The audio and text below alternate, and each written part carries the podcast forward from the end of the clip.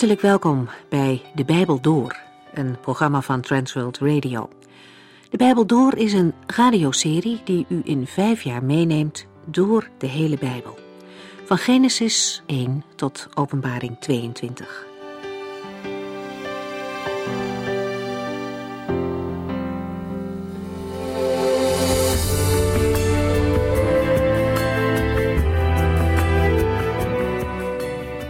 Vandaag beginnen we met de eerste brief die Paulus aan de gemeente in Korinthe heeft geschreven.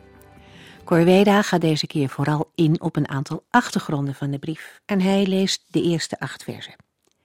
In deze brief zullen we de komende afleveringen mooie gedeelten tegenkomen. Denk maar aan het bekende hoofdstuk 13 over de liefde. Tegelijkertijd schrijft Paulus ook over de moeilijke onderwerpen die voorkwamen in de gemeente, over de zonden die er waren, waar ze een eind aan moesten maken. De afgelopen weken zagen we in kronieken hoe belangrijk het is dat Gods volk ook praktisch leeft met God. Geloven is niet alleen een theoretische kwestie, het is ook een manier van leven. Koningen die bogen voor de Allerhoogste Koning en zijn koninklijke weg bewandelden, ontvingen zegen, en zij waren op hun beurt een zegen voor het volk. De situatie in de gemeente van Korinthe speelde in een andere tijd. Ook voor deze gemeente ging het er echter om dat ze niet alleen geloofden, maar ook praktisch handen en voeten daaraan moesten geven. Paulus roept hen op om te breken met verkeerde dingen, en de zonden waren best groot in die gemeente. En toch benadert de apostel hen op een liefdevolle manier. Hij begint niet met figuurlijke stenen te gooien of met anderen over hen te roddelen. Nee, hij schrijft hen zelf. En hij spreekt de gemeente erop aan om te veranderen en om terug te keren naar God. Mooi is ook het begin dat we vandaag zullen lezen. Ondanks de misstanden in de gemeente begint Paulus positief. Hij ziet ook de goede dingen en hij dankt voor deze gemeente. Laten we bij het lezen van deze brief kijken hoeveel we van de houding van Paulus kunnen leren ten opzichte van fouten die andere mensen maken.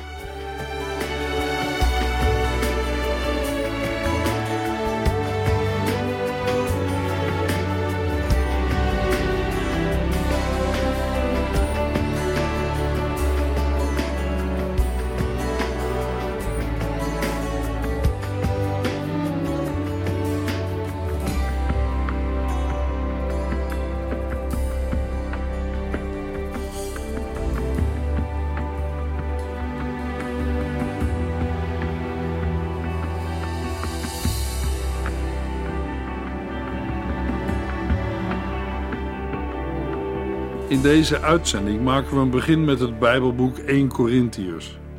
Korinthe was in Paulus' dagen de belangrijkste stad in Griekenland. Het was een bruisend centrum van wereldhandel, cultuur en afgodendienst. In deze stad stichtte de apostel Paulus een gemeente. Twee van zijn brieven zijn gericht aan Gods gemeente in Korinthe. De eerste brief aan de Korintiërs toont de problemen, spanningen en aanvechtingen van een gemeente ontstaan in een heidense samenleving.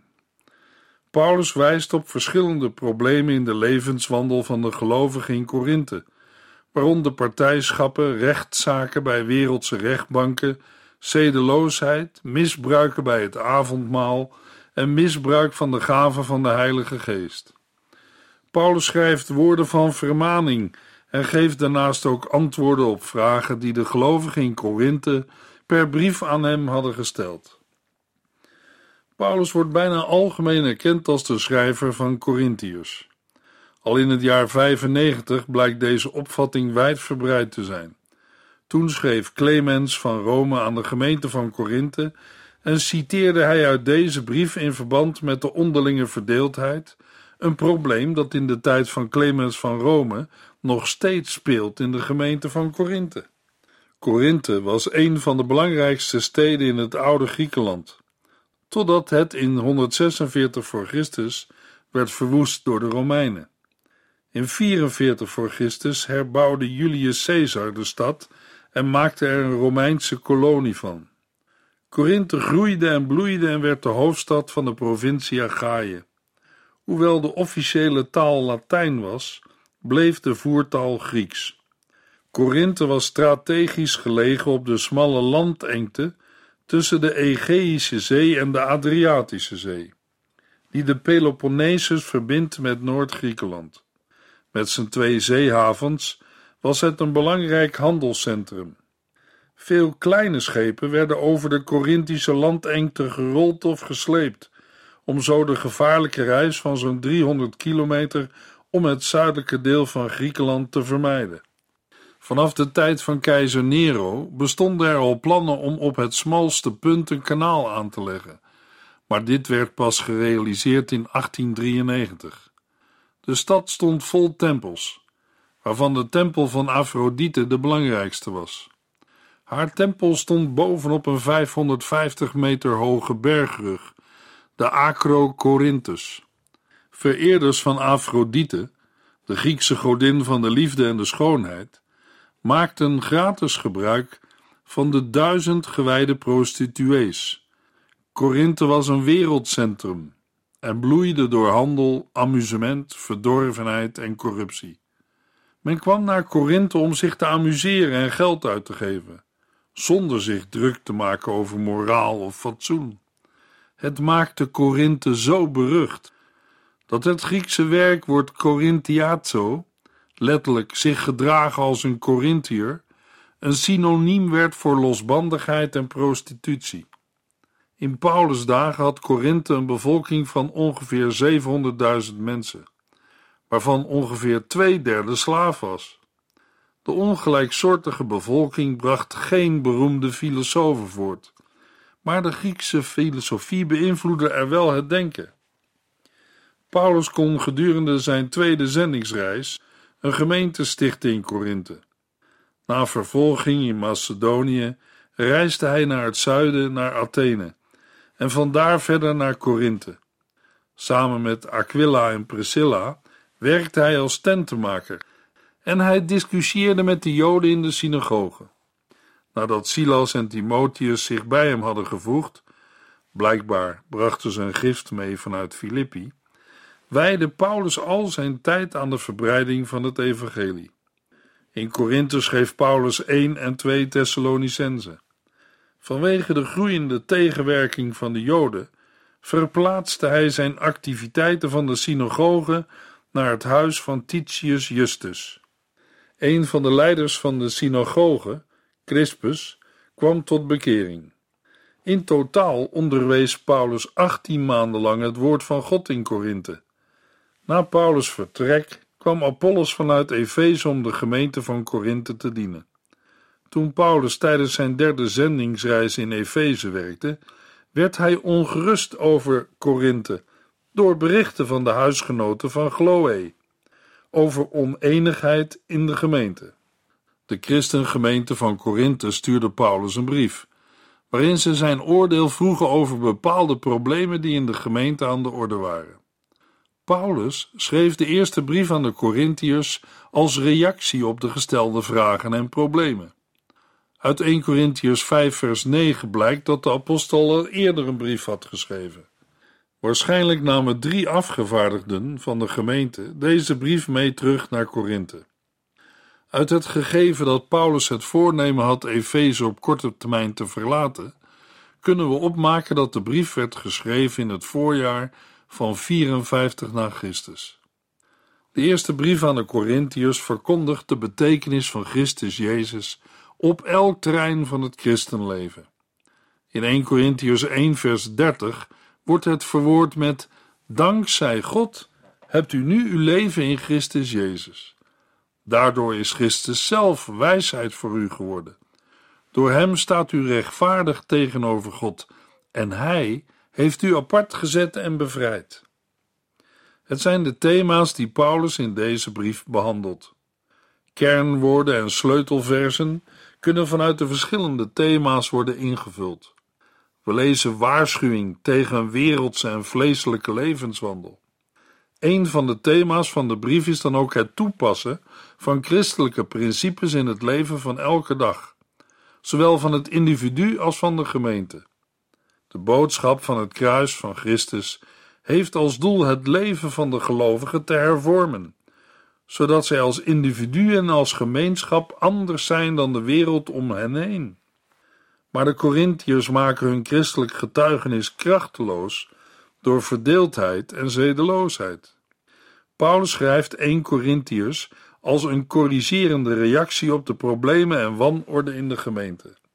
De brief is bedoeld om de onjuistheid van bepaalde opvattingen en daden aan te tonen en om onder de broeders en zusters een geest van eenheid te bevorderen in de omgang met elkaar en tijdens de erediensten.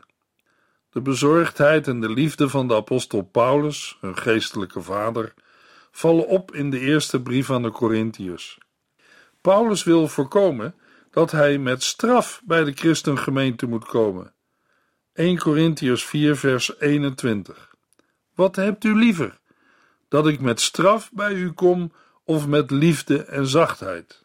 Als het om leerstellige of dogmatische vragen gaat, is 1 Corinthiërs 3 vers 11 belangrijk, want een andere fundering dan Jezus Christus mag niemand leggen. Met betrekking tot de levensheiliging vinden we in 1 Corinthiërs 6 vers 19 en 20 een sleutelvers. Of weet u niet dat uw lichaam een tempel is van de Heilige Geest, van de Geest die God u heeft gegeven en die nu in u woont? U bent niet van uzelf. God heeft u tegen de allerhoogste prijs gekocht. Gebruik daarom ieder deel van uw lichaam om God eer te geven. Als het om volhouden en volharden gaat, wordt de geschiedenis van het volk Israël in herinnering geroepen. We lezen in 1 Corinthiërs 10, vers 12 en 13: Als u denkt dat u nooit zo ver zult gaan, moet u oppassen om niet te zondigen. De beproevingen die u hebt ondergaan zijn niet ongewoon. God is trouw. Hij zal ervoor zorgen dat de beproevingen u niet te veel worden. Hij zal ook een uitweg uit de beproevingen geven, zodat u er tegen opgewassen bent. Het meest bekende hoofdstuk is 1 Corinthiërs 13. Een hoofdstuk dat vaak wordt voorgelezen bij huwelijksbevestigingen en de tekst vormt van veel christelijke toespraken en preken. Door veel mensen over de hele wereld wordt 1 Corinthiërs 13 gezien als de beste beschrijving van liefde die ooit op papier is gezet. 1 Corinthiërs 13 staat lijnrecht tegenover het idee dat liefde een emotie is, in de zin van de liefde komt en de liefde gaat. Verliefdheid komt en gaat voorbij. Maar 1 Corinthiërs 13 maakt op heldere wijze duidelijk dat ware liefde in eerste instantie daden stelt. Geheel in overeenstemming daarmee is een van de meest bekende teksten uit de Bijbel, uit Johannes 3, vers 16. Want God heeft zoveel liefde voor de wereld, dat Hij zijn enige zoon heeft gegeven, zodat ieder die in Hem gelooft niet verloren gaat, maar eeuwig leven heeft. Door de missionaire inspanningen van Paulus en anderen is er in het heidense Korinthe een christengemeente ontstaan. Maar het blijft een strijd om de heidense invloed van Korinthe uit de gemeente te weren. De heidense levensstijl van Korinthe oefent een diepe invloed uit op de gelovigen in deze verdorven wereldstad. Zij worden met allerlei problemen geconfronteerd. De eerste Korinthebrief is dan ook vol vermaningen. Paulus is gedwongen zijn apostolisch gezag te laten gelden als hij bepaalde problemen stevig aanpakt, zoals verdeeldheid, zedeloosheid, rechtszaken bij wereldse rechtbanken, egoïsme, misstanden bij het avondmaal, misbruik van de geestesgaven en ontkenning van de opstanding. De brief behandelt stelselmatig de problemen die onder de aandacht van Paulus zijn gebracht. Daarnaast gaat Paulus ook in op verschillende vragen die door de Corinthiërs in een eerdere brief naar voren zijn gebracht. Hij gebruikt dan inleidende woorden als: Daarmee kom ik op de vragen uit uw brief of als het gaat over enzovoort. De eerste brief aan de Corinthiërs kan in drieën worden onderverdeeld. Hoofdstuk 1 tot en met 4 is een reactie op Chloe's bericht over de onderlinge verdeeldheid. Hoofdstuk 5 en 6 is een reactie op het bericht over ontucht. En hoofdstuk 7 tot en met 16 een reactie op de brief met vragen.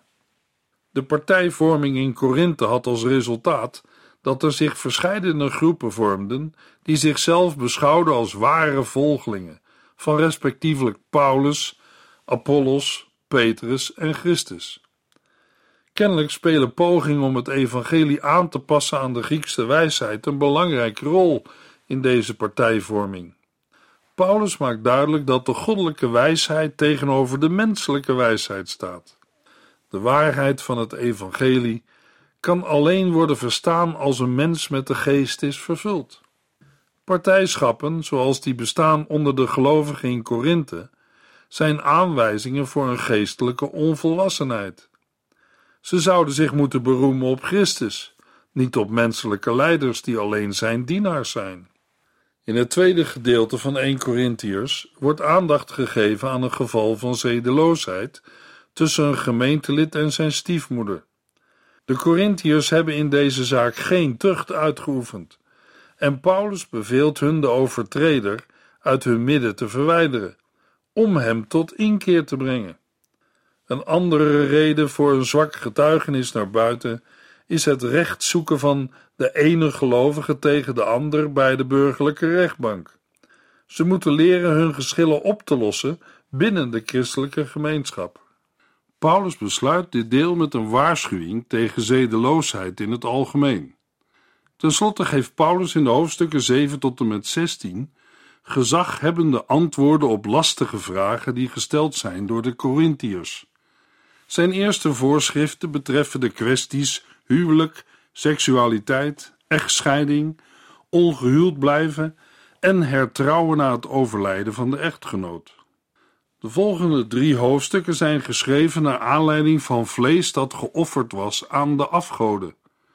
Paulus illustreert vanuit zijn eigen leven dat de beide principes van de christelijke vrijheid en de wet van de liefde onlosmakelijk met elkaar verbonden zijn. En hij concludeert dat gelovigen hun vrijheid soms moeten beperken ten behoeve van de zwakkere broeder. De apostel richt zich vervolgens op zaken betreffende de eredienst, waaronder het op ongepaste wijze vieren van het avondmaal en het egoïstisch gebruik van geestesgaven. Genadegaven moeten vanuit de liefde worden gebruikt tot stichting van het hele lichaam, de gemeente. Sommige Corinthiërs twijfelen aan de lichamelijke opstanding. Paulus' historische en theologische verdediging van de opstanding omvat onderwijs over de aard van het opstandingslichaam. De Corinthiërs hebben waarschijnlijk met deze kwestie geworsteld, omdat het idee van een opstanding van het lichaam onaanvaardbaar was voor de Griekse filosofie. De brief besluit met Paulus aanwijzingen voor de collecte die hij zal houden voor de heiligen in Jeruzalem, waarna allerlei vermaningen en groeten volgen. 1 Corinthiërs 1 vers 1 Van Paulus, die door God geroepen is om een apostel, een reizend gezant van Christus Jezus te zijn, en van broeder Sostenus. Paulus begint zijn brief aan de gemeente van Korinthe met de gebruikelijke briefaanhef. Deze bevat achtereenvolgens de afzender, de geadresseerden en de groet. Naar de vorm gaat het om een algemeen klassieke aanhef van een brief. Maar de inhoud is door het geloof in de Heer Jezus Christus bepaald. Paulus heeft deze brief geschreven vanuit Efeze. Over de aanleiding hebben we al in het voorgaande gesproken. De eerste woorden van de brief zijn veelzeggend. Paulus noemt zichzelf een door God geroepen apostel en gezant van Christus.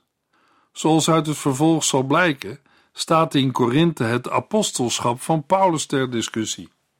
In tegenstelling tot de onbevangen aanhef in de brieven aan de Thessalonicenzen, was hier een beroep op zijn apostelschap noodzakelijk. De titel apostel is niet beperkt gebleven tot de twaalf die Jezus tijdens zijn leven op aarde al had aangesteld maar omvat ook hen die door de Heere na zijn opstanding zijn geroepen tot de bediening van het stichten van gemeenten. De betekenis van het Griekse woord apostel laat zich het best omschrijven als gevolmachtigde afgezant. Paulus is door God geroepen. Hij heeft zich niet zelf tot apostel uitgeroepen, en is ook niet door mensen daartoe aangesteld. Maar hij heeft deze bediening van Gods wegen. Juist dat geeft zijn bediening een hoge mate van gezag. Als tweede afzender noemt Paulus broeder Sosthenes. Omdat Paulus verder niets over hem zegt, moet hij al bij de gelovigen van Korinthe bekend zijn. Het is niet uitgesloten dat hij dezelfde persoon is als de in Handelingen 18, vers 17 genoemde leider van de synagoge. Dan moet hij daarna tot bekering zijn gekomen en een tijdelijke medewerker van Paulus zijn geworden. 1 Corinthiërs 1, vers 2. De brief is gericht aan Gods gemeente in Korinthe, die voor Jezus Christus is afgezonderd. U hoort bij hem, omdat hij u heeft geroepen, net als alle gelovigen over de hele wereld. Hij is zowel hun Heere als de onze. Het tweede onderdeel van de briefaanhef bevat de geadresseerden.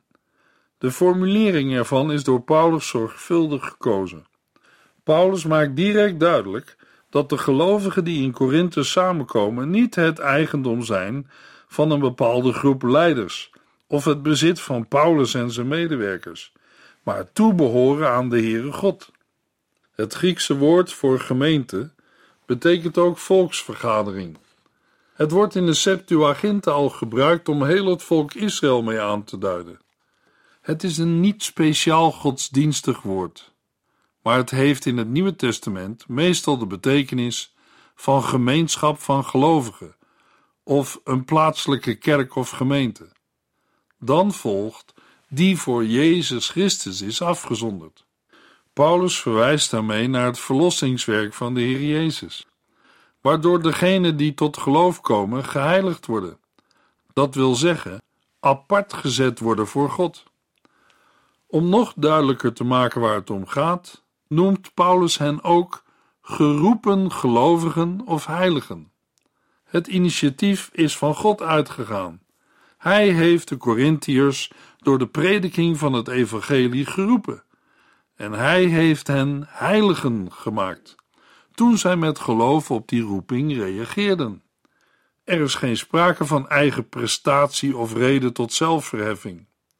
Dan breidt Paulus het aantal geadresseerden uit met net als alle gelovigen over de hele wereld. Naast de specifieke adressering aan de gemeente van Korinthe is deze brief ook bestemd voor gemeenten die door Paulus zijn medewerkers en anderen zijn gesticht. Het gaat er dan om dat de heren van de gemeente in Korinthe en daarbuiten evenzo de heren van Paulus en zijn medewerkers is. 1 Corinthiërs 1 vers 3 Ik wens u de genade en vrede van God, onze Vader en van onze Heer Jezus Christus toe. Het derde deel van de brief aanhef vormt de groet. In de klassieke brief bestaat de aanhef in het algemeen alleen uit het woordje gegroet. Maar in de brieven in het Nieuwe Testament is dat anders. Paulus groet de gelovigen van Korinthe met het aan het Griekse woordje gegroet verwante woordje genade. Een typisch Joodse groet. Het Griekse woord voor vrede is de vertaling van het Hebreeuwse shalom, dat vrede in alle opzichten aangeeft. Het gaat daarbij om vrede met God en mensen, en welzijn en harmonie in het dagelijkse leven. God, de Vader en de Heer Jezus Christus worden als één gemeenschappelijke bron van deze genade en vrede aangeduid. God wordt onze Vader genoemd, omdat de gelovigen door het geloof in de Heer Jezus Christus tot kinderen van God zijn aangenomen. Paulus voegt de woorden genade en vrede samen met de bron van genade en vrede, de Heere God zelf. U en ik zijn gered door de genade van God en hebben de vrede van God in onze harten. Heeft u Christus als uw redder aanvaard? Zijn onze zonden door Hem verzoend? We hebben gelezen in Romeinen 5, vers 1: Omdat wij ons aan God hebben toevertrouwd, zijn wij rechtvaardig geworden en leven wij nu in vrede met God, dankzij onze Heer Jezus Christus. 1 Corinthiërs 1, vers 4. Ik dank God telkens weer voor u, omdat Hij u door Jezus Christus zijn genade heeft gegeven. Zoals gewoonlijk begint Paulus zijn brief met een dankgebed aan God met betrekking tot de lezers, vanwege alles wat de Heer al in hun levens heeft gedaan. De apostel dankt God telkens weer voor de gemeente. Paulus is een man van gebed. Voortdurend waakt hij, dagelijks met dankzegging en voorbeden over de gemeente waarvoor hij zich verantwoordelijk weet. De reden om te danken is de genade van God, die hen in Christus Jezus is gegeven. Met genade wordt bedoeld alles wat God heeft geschonken en bewerkt in Christus. Uit de versen 5 tot en met 7 blijkt dat Paulus vooral denkt aan de genadegave van de Heilige Geest. De Corinthiërs hebben deze gave als genade, onverdiende gunst van God ontvangen. 1 Corinthiërs 1 vers 5 tot en met 8 Door uw verbondenheid met Christus heeft Hij uw leven in alle opzichten verrijkt. Bij alles wat u zegt en met uw volledige begrip van de waarheid. Want wat wij u over Christus hebben verteld, is ook in uw leven bevestigd. Zozeer dat het u aan geen enkele gave ontbreekt. Daarbij kijkt u ook met spanning uit naar de terugkomst van de Heer Jezus Christus. Hij zal u tot het einde toestaande houden, zodat er op zijn grote dag niets op u zal zijn aan te merken. Paulus is oprecht dankbaar voor alles wat de gelovigen van Korinthe van God hebben ontvangen. Zijn kritiek aan hen geldt alleen hun houding van opgeblazenheid en hun gebrek aan liefde. De rijkdom van het woord en de kennis ervan is een goddelijke bevestiging van de prediking van het evangelie. Paulus' dankgebed voor de gelovigen van Korinthe eindigt met een plechtige verzekering. Zoals God de verkondiging van het evangelie onder de Corinthiërs heeft bevestigd met allerlei genadegaven, zo zal hij hen in hun geloofsleven ook verder bevestigen. Paulus weet het zeker. Hij zal u tot het einde toestaande houden, zodat er op zijn grote dag niets op u zal zijn aan te merken. Luisteraar, hoe zal dat met u zijn op zijn grote dag? Hoort u bij de Heer Jezus Christus? Of leeft u zonder God in deze wereld? In de volgende uitzending lezen we verder in 1 Corinthiërs 1.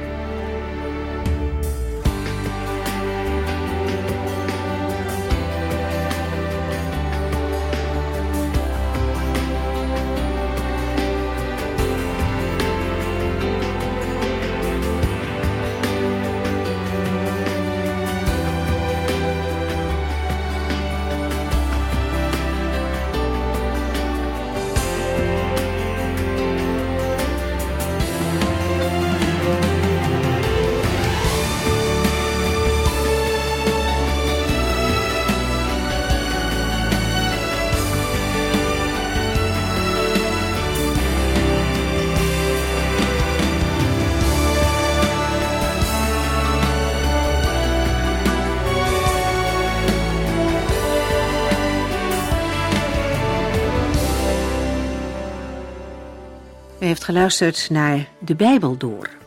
In het Nederlands vertaald en bewerkt door Transworld Radio. Een programma waarin we in vijf jaar tijd de hele Bijbel doorgaan. Als u wilt reageren op deze uitzending of u heeft vragen, dan kunt u contact met ons opnemen. Tijdens kantooruren kunt u bellen op 0342 47 8432. 0342 47 8432. 32. Ook kunt u een e-mail sturen naar de Bijbel door transworldradio.nl en natuurlijk kunt u ook via de post ons bereiken. TWR, postbus 371, postcode 3770, AJ in Barneveld. Dit programma werd gepresenteerd door Cor Weda en Ike André. Techniek was in handen van Odin van Woerdekom. En wij allemaal bedanken u voor het luisteren. Graag tot de volgende keer.